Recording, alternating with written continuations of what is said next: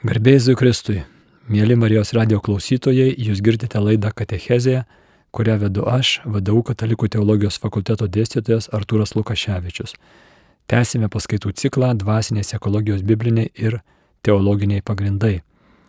Praeitą kartą žvelgime į žmogų kaip homo religiozus, kaip orientuota į antgamtę. Ir matėme, kaip istoriškai šitas mūsų nukreiptumas į antgamtę įsipildė, realizavosi per e, konkrečias išraiškas, kurias vadiname pasaulio religijos.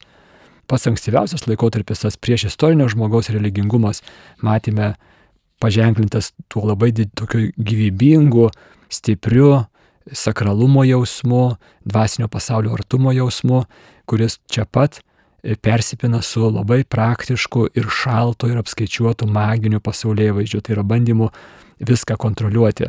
Ir tas maginis pasaulyje vaizdis mūsų gelmėse yra labai giliai įsėdęs. Mes tūkstančius metų bandėme viską kontroliuoti - ir gamtą, ir antgamtę, ir e, materiją, ir dvasinį pasaulį, netgi Dievą. Bandome kontroliuoti ir tai darome per, vadin, per magiją, tai yra įvairūs žodžiai, slaptažodžiai, burtažodžiai, užkeikimai, užbūrimai, veiksmai, ritualai, būtų įvairūs apėgos ir daiktai, amuletai ar šventvietės ar, ar e, kitokie daiktai. E, dažnai kyla klausimas, reiškia, ar e, visos, visose religijose esančios apėgos yra maginės. Pavyzdžiui, krikščionybėje, katalikybėje yra daug apėgų. Ar tai nėra magija? Ne, tai nėra magija, nors apėgos yra ir šamanizme, ir, reiškia, ir burtininkavimuose įvairiuose yra apėgos, tam, tikri, tam tikri simboliniai veiksmai, kuriais siekiama, reiškia, tam tikrų tikslų. Ir e, kitose religijose, kurias tu apžvelgsiu, ir tame tarpe krikščionybėje daug apėgų, judaizmas e, turi daug apėgų. Magija yra ne tai, kad atliekamos tam tikros apėgos. Magija kyla iš mūsų širdžių krypties. Ir ta kryptis magijoje yra įtvirtinti savo valią reiškia maginės laikysenos pagrindinė, pagrindinė tokia e, tezė, pa, pagrindinis teiginys, pagrindinė žinutė būtų bus kaip aš noriu, bus mano valia. Tai čia būtų maginės pasaulyje žiūros pagrindinės toks, tokia reiškia kryptis. Kad aš rasiu priemonės, būdus, kaip pasiekti savo valią tiek materialiame e, pasaulyje, materialioje plotmėje, tiek dvasinėje plotmėje. Tai būtų maginė kryptis. O tuoj pamatysime e, didžiosios pasaulio religijos ir ypač krikščionybė yra radikaliai priešingos. Krikščionybės pagrindinė kryptis yra tiesie tavo valia.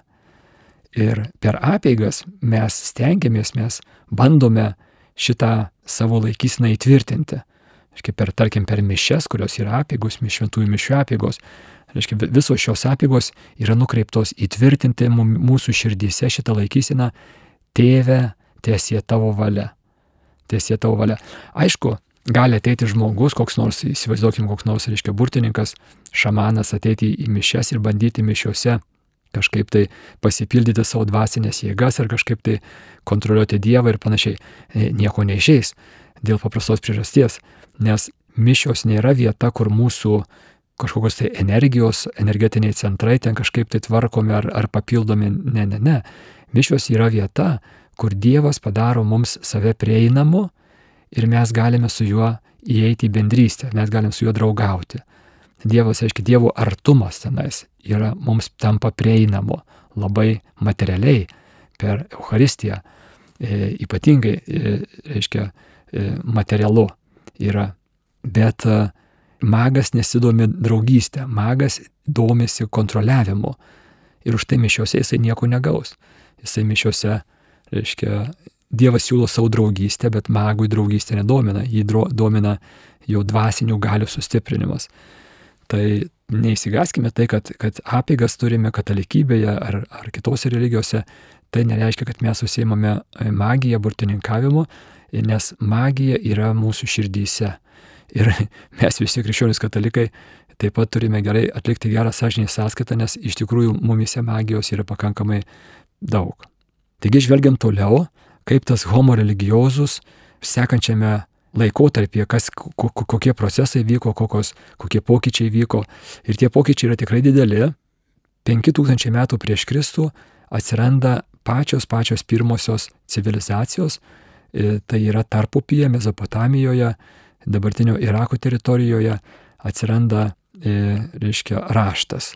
Ir raštas yra takoskira tarp prieš istorinių laikų ir istorinių laikų, ankstyvosios civilizacijos.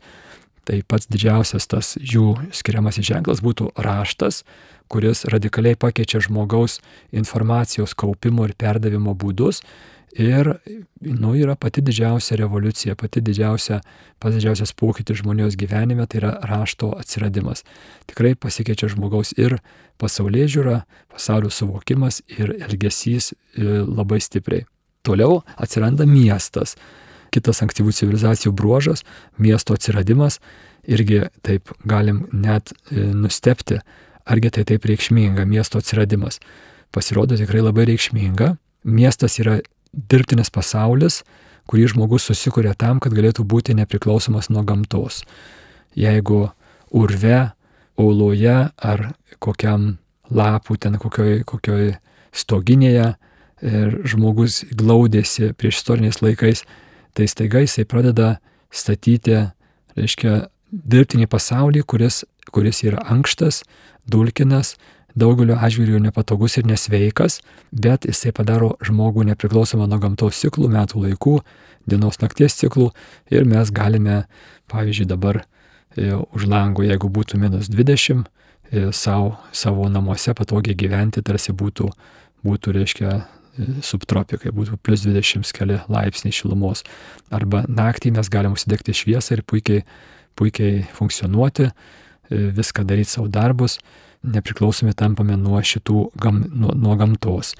Ir tai yra ir patogu, bet taip pat ir sukelia problemų, nes mes esame gamtos vaikai ir nuo jos atitrūkę pradedame, nu, iš esmės sirgti.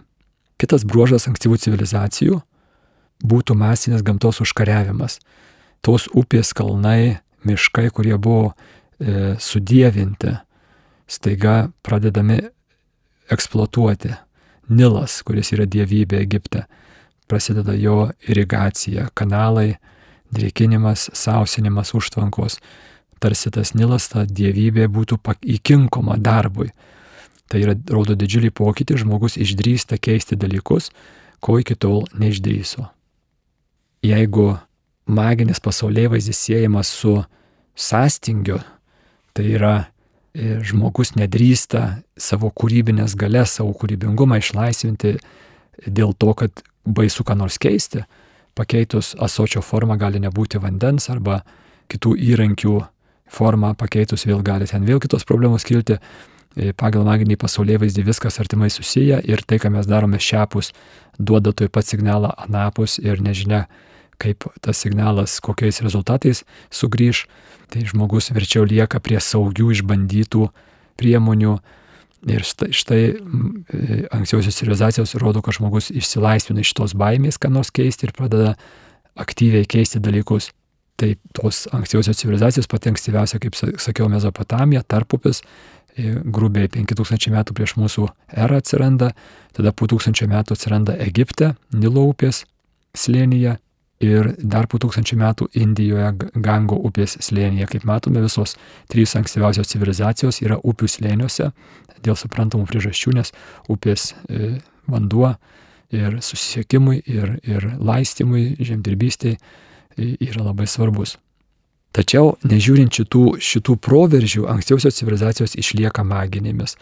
Religijotininkai jas tyrinėdami pastebi, kad vis dėlto tas maginis bandymas viską kontroliuoti ir pajungti savo valiai pilnai dominuoja ankstyvosiose civilizacijose.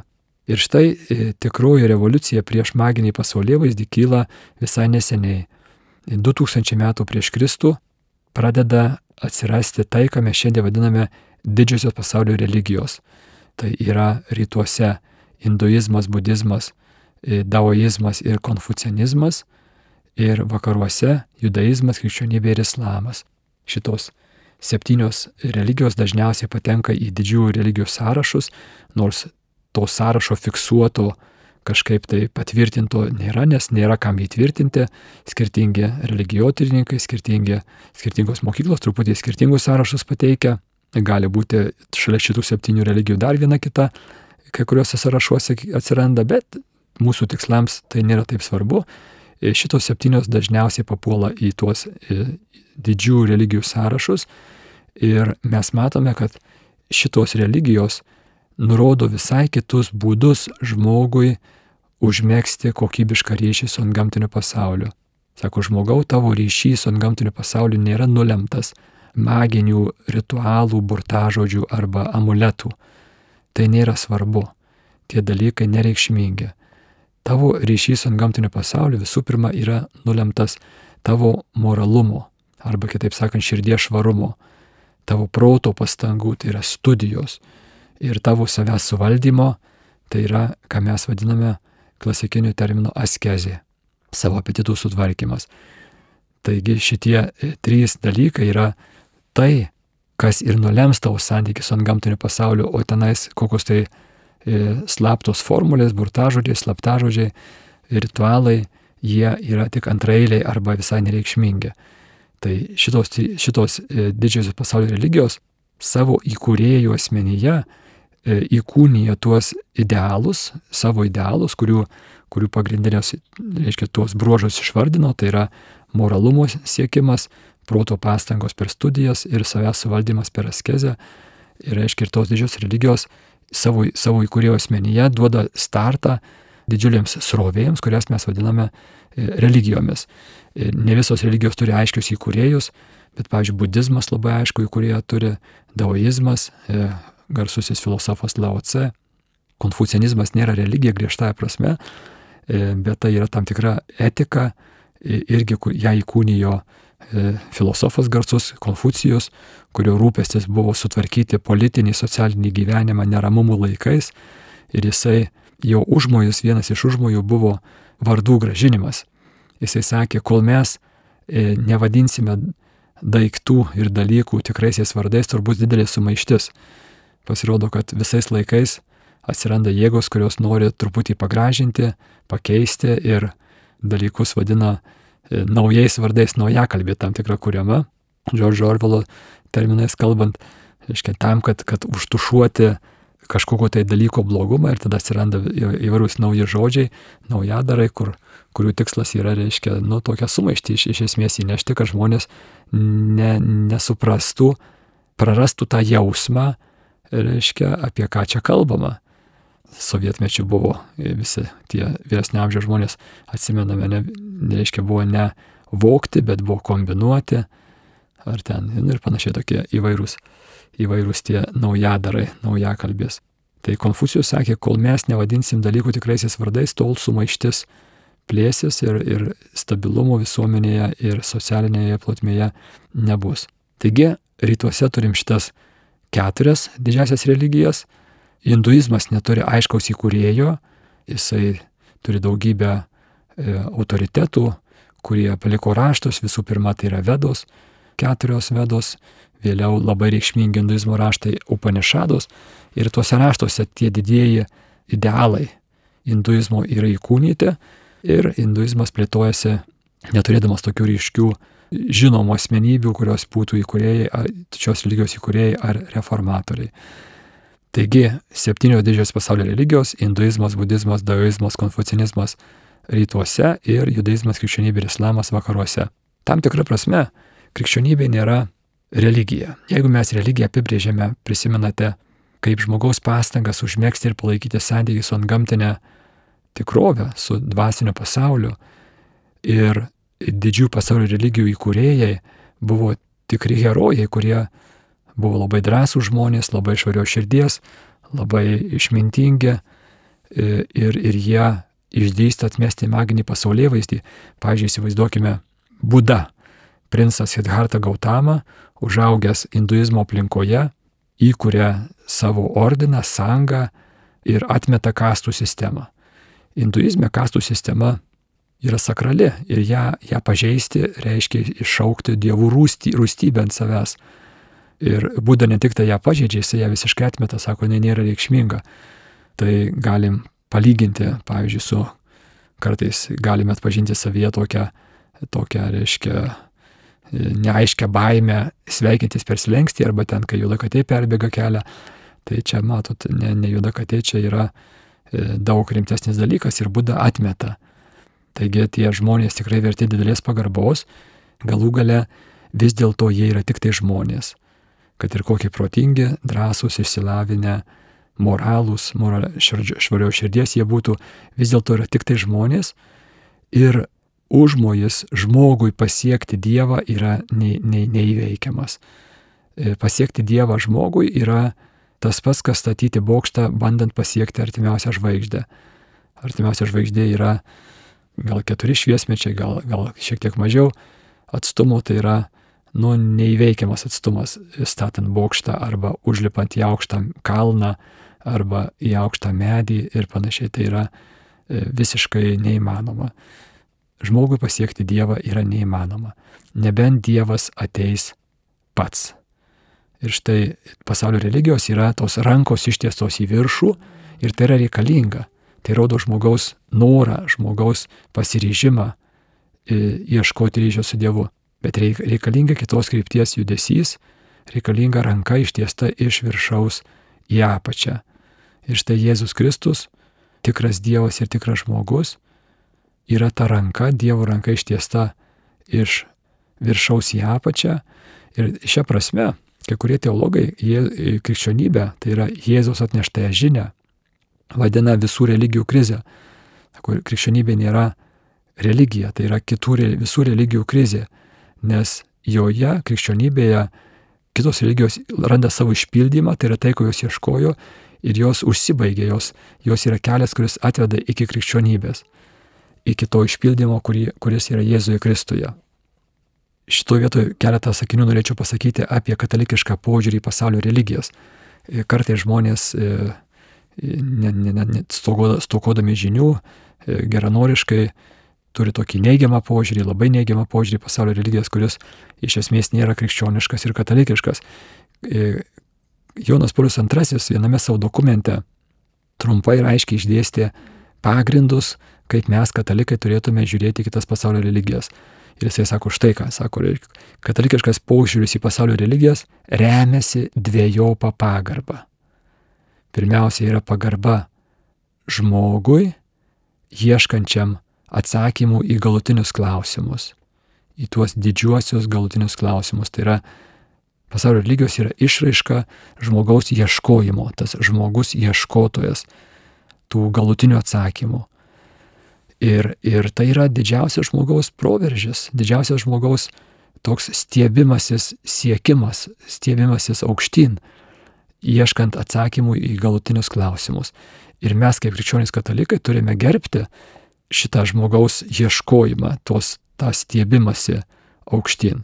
Ir toliau sako Jonas Paulius II, e, pasaulio religijos yra pilnos Dievo žodžio e, veikimo pėdsakų vadinamųjų Dievo žodžio sėklų, e, latiniškai semina verbė.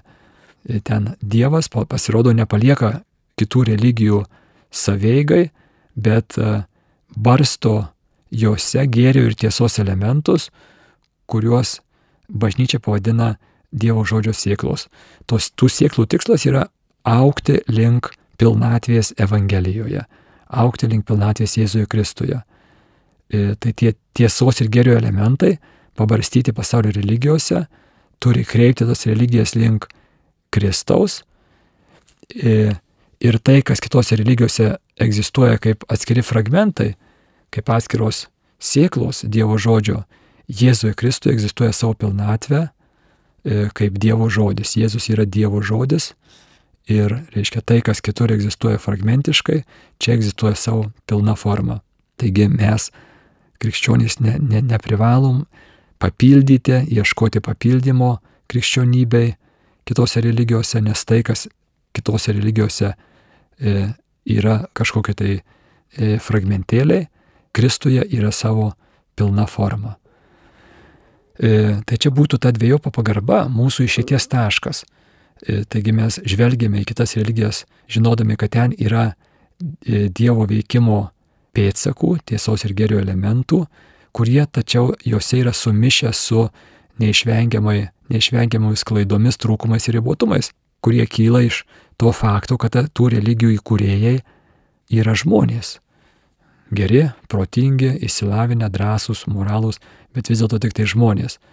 Tuo tarpu krikščionybė, kaip Jėzaus žinia, Jėzus yra tikras Dievas ir tikras žmogus, yra kokybiškai kitokia, nes Dievas negali nei meluoti, nei būti apgautas ir vadinasi, jo žinia yra tiesos pilnatvė. Taigi mes kaip katalikai galime su pagarba žvelgti į kitas pasaulio religijas ir išlaikyti savo tapatybę, savo identitetą, tai yra nebandyti, neieškoti kokio tai papildymo, pagerinimo krikščionybei, nes ši čia yra krikščionybė kaip Jėzaus žinia, yra pilnatvė to, kas kitose religijose yra dalinai egzistuoja tik tai kaip semina verbi, Dievo žodžio sėklos. Ir va šitoje vietoje reikia pakalbėti apie religinį sinkretizmą. Religinis sinkretizmas yra bandymas įvairių religijų elementų sujungti į, į tam tikrą visumą. Toks, paprastai šnekant, toks religinė mišrainė, religijų mišrainė. Ir tas bandymas, tikriausiai dauguma pažįstam žmonių, kurie, kurie kažkiek tai tą daro, šitas bandymas masiškai kyla XIX amžiuje, kai vakarai susipažįsta su rytų religijomis ir XIX amžiuje buvo išversti hinduizmo ir budizmo pagrindiniai tekstai į anglų, vokiečių, prancūzų kalbas. Ir vakarai susipažino su tų religijų turtais, prasidėjo intensyvios tų religijų studijos, lyginimas ir neišvengiamai noras ieškoti panašumų ir skirtumų.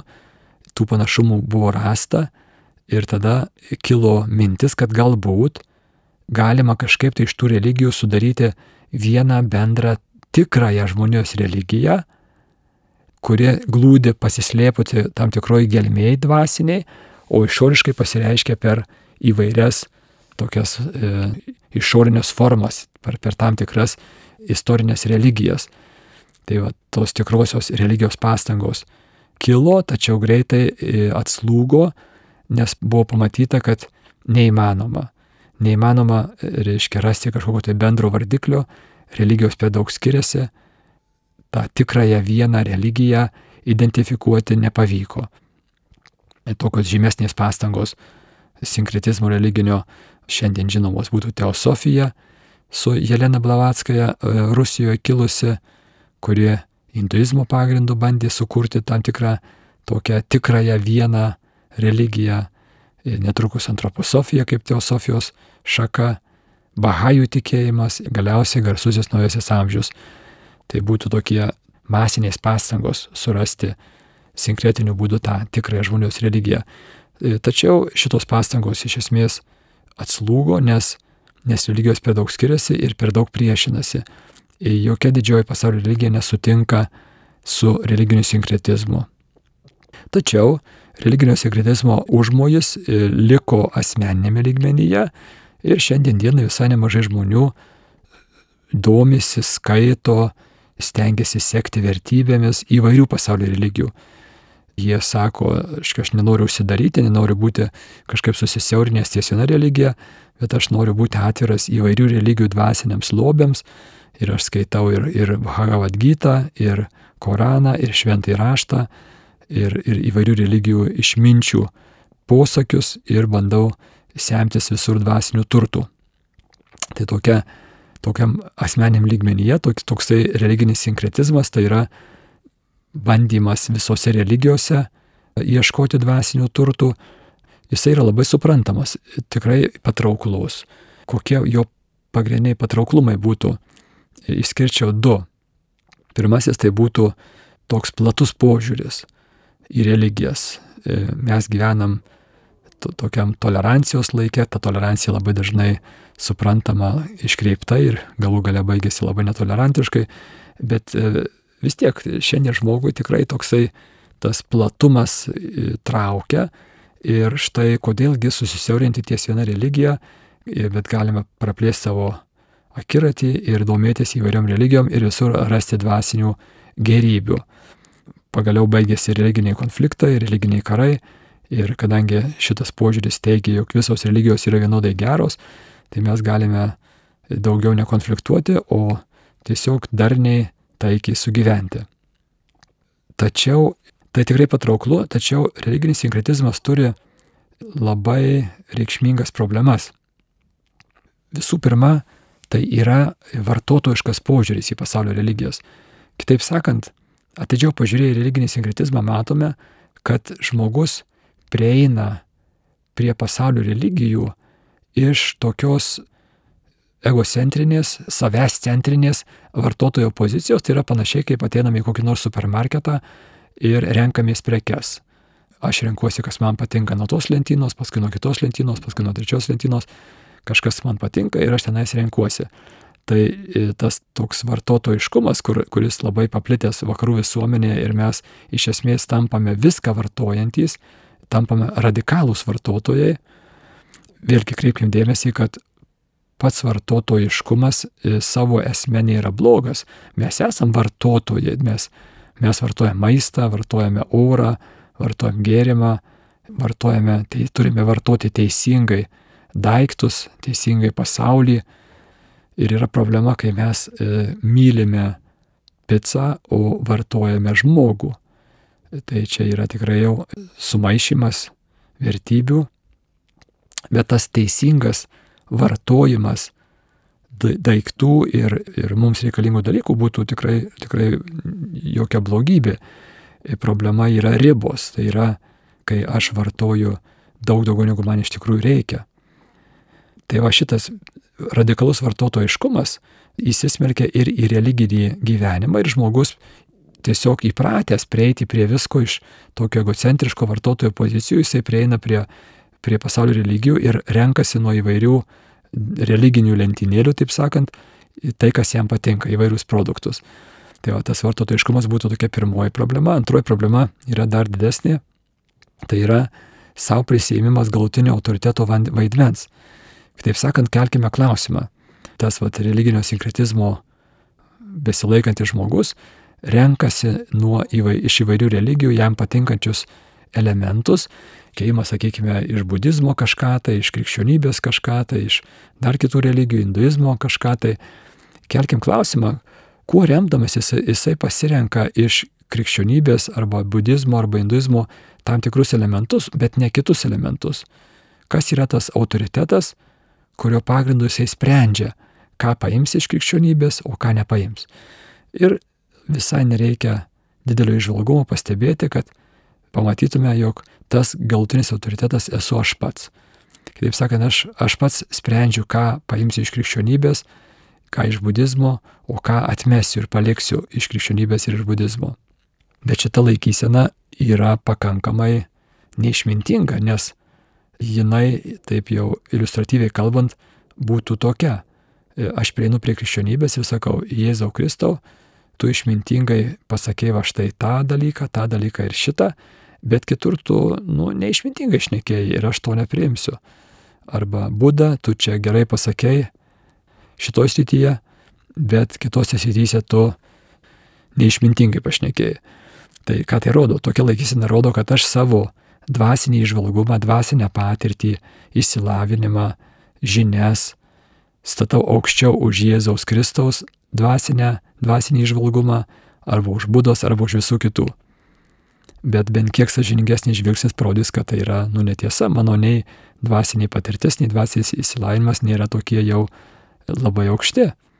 Tai tas žmogus, tas, tas va, religinio sinkretizmo atstovas iš esmės yra pasipūtęs ir, ir labai apie save gerai galvoja, bet, bet jo pasirinkimai yra labai nepagrysti. Jisai sukuria savo paties gamybos religiją ir yra tos religijos pagrindinis autoritetas ir vienintelis tikintysis. Trečia problema yra tai, kad visos didžiosios religijos iš savo sekėjų reikalauja labai daug. Reikalauja labai gilios ir, ir išsamios dvasinės transformacijos, didžiulio perkeitimo, kuris daug kainuoja jėgų, pastangų, laiko ir yra labai sunkus. Krikščionybė kalba apie numirimą savo pačiam, savęs išsižadėjimą iki mirties, panašiai ir kitos religijos reikalauja labai labai didžiulių, nu, tokių vidinių pastangų ir, ir, ir, ir aukštos kainos. Kodėl? Todėl, kad visos religijos mato, kad žmogus, žmoguje yra kažkas labai netvarkoj ir tai, kas netvarkoj, reikia taisyti, reikės taisyti ir tai tai skaudės. Tas taisymo procesas bus skausmingas ir nemalonus. Tačiau vakaruose dėl to radikalaus vartotojiškumo religijos matomos kaip tokio nusiraminimo, pasitenkinimo e, šaltinis. Religijos turi teikti nusiraminimą, psichinę sveikatą, stabilumą ir viskas. Ir to ir užtenka. Bet visos didžios religijos jų užmojus yra visai kitas. Jos visai nesirūpina man teikti gerą savijautą. Jos rūpinasi mane perkeisti iš esmės. Bet man rūpi ne, ne perkeitimas, man rūpi gera savijauta kaip e, vakariečiui. Ir tada aš kuriu savos, pat, savo paties gamybos religiją, aišku, nelabai aukštos kokybės gausis jinai, tačiau tos savos gamybos religijos užmojas yra teikti man pasitenkinimą ir ramybę. Taigi akivaizdu, kad ta religija nebus reikli, mano paties susikurta religija nebus reikli ir, ir reikalaujanti iš manęs skausmingų pastangų. Anaip tol, kadangi aš savo siekiu nusiraminimo ir geros savijautos, tai aš pasirinksiu tokius elementus, kurie man tą gerą savijautą duos. Bet ar ta religija bus autentiška, visos pasaulio lygios radikaliai nesutinka su religiniu sinkretizmu. Toliau žvelgiant į pasaulio religijas, religijotyrinių požiūrių galima išskirti tokius tris pagrindinius elementus. Pirmasis elementas yra pasaulyje žiūra.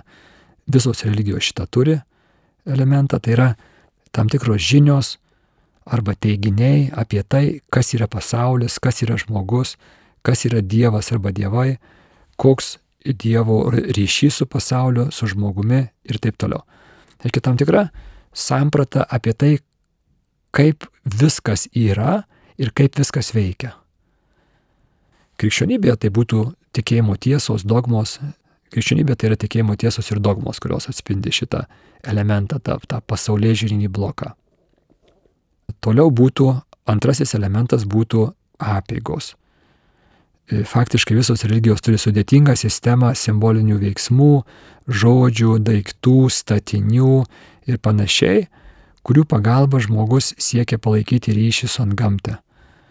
Čia būtų šventovės, šventvietės, e, ritualai įvairūs, reiškia, tai yra tam tikra, reiškia, apieigų toks didžiulis, didžiulis e, blokas visos religijos jį turi. Nu, yra religijų, kuriuose jisai mažai išvystytas.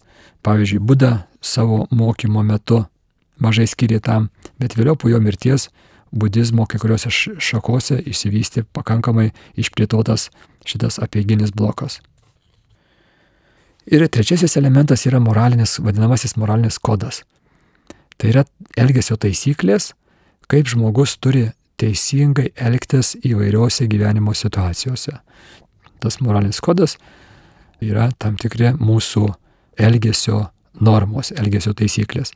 Taigi, pirmieji du elementai pasaulio religijose labai skiriasi. Religijos turi labai labai didelę įvairovę sampratų apie tai, kas yra Dievas, Dievai, pasaulis, žmogus, koks jų santykis yra, kaip atsirado žmogus, kaip atsirado pasaulis ir taip toliau. Pasaulio religijų nepavyko suvienyti va šito pagrindu, iš esmės dėl to, kad juose esančios sampratos apie tai, kaip viskas sudaryta ir kaip viskas veikia, labai skiriasi. Tada antrasis blokas irgi labai skiriasi. Apeigos yra, nu, iš esmės didžiulė įvairovė ir ta įvairovė yra, nu, nesutaikoma, nėra įmanoma rasti tam tikrų bendrumų, kurios būtų įvairiose religijose ir užimtų reikšmingas vietas. Labai jau apeigos skiriasi pasaulio religijose.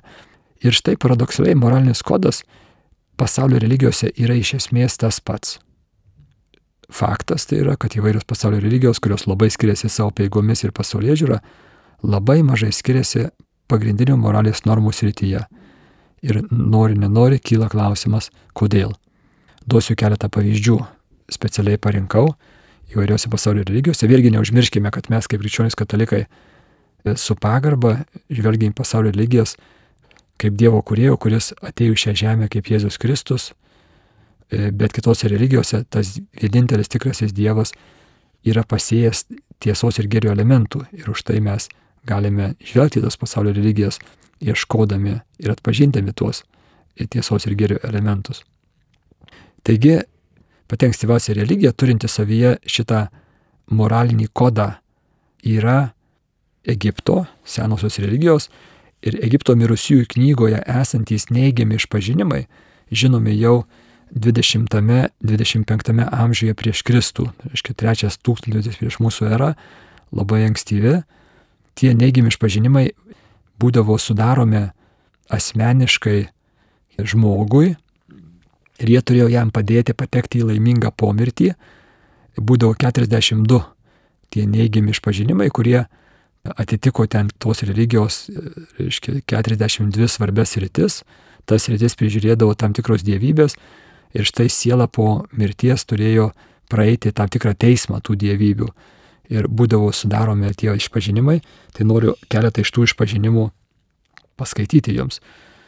Aš nevogiau, aš nežudžiau vyrų ir moterų, aš nekeikiau, aš nesvetimavau, aš nesantykiavau su vyrais, aš nieko niekam negrasinau. Na va, ir, ir kiti.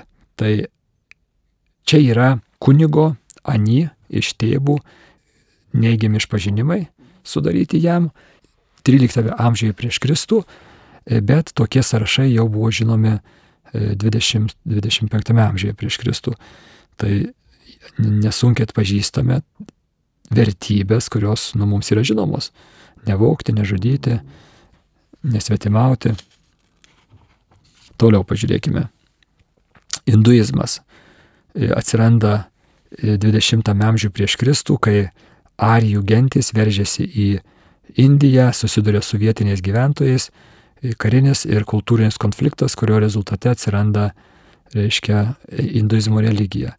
Ir 15 amžiuje jau žinomi yra hinduizmo susivaldymų sąrašai, kurie šiek tiek skiriasi viens nuo kito, bet tarp dažniausiai minimų susivaldymų yra šie. Susilaikyti nuo smurto, melo, vogimo, seksualinio palaidumo, kuris reiškia nesusituokusiems visišką susilaikymą, o susituokusiems sandokinę ištikimybę, persivalgymo ir kitų. Budizmas. Šeštas amžius prieš Kristų. Penkios disciplinos. Draudžiančios žudyti, vokti, netinkamą seksualinį elgesį, vienuoliams visiškas susilaikimas, kitiems lytiniai santykiai tik tai santokoje. Toliau draudžia meluoti, vartoti svaigalus.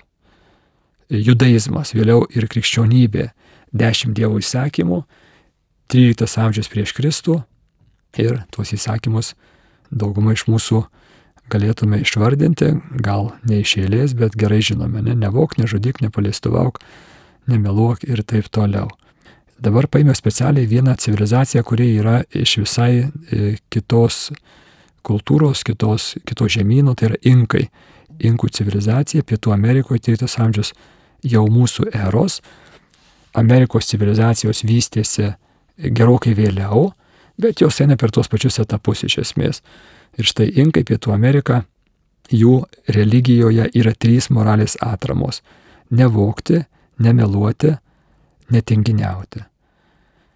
Taigi, e, matome, kad labai skirtingos pasaulio lygijos, skirtingose vieto, vietose atsiradusios, skirtingais laikotarpiais atsiradusios turi labai labai panašias moralinės vertybės ir žmogaus elgesio vertybės, nors tos pačios religijos labai skiriasi savo sampratomis, kas yra Dievas arba Dievai, kas yra pasaulis ir žmogus, kaip atsirado pasaulis ir žmogus, o tuo tarpu, reiškia, jų samprata apie tai, kaip žmogus turėtų elgtis, iš esmės yra nu, vienodos. Ir čia kyla, kyla klausimas, kodėl. Kodėl tos religijos, kurios skiriasi viskuo, beveik nesiskiria savo sampratą, kaip turi elgtis, kaip turi gyventi žmogus. Atsakymų iš tos klausimus ieškosime sekančioje laidoje. E, dabar baigiame. Girdėjote laidą Katechezė, ją vedžiau aš, vadovau Katalikų teologijos fakulteto dėstytojas Artūras Lukaševičius.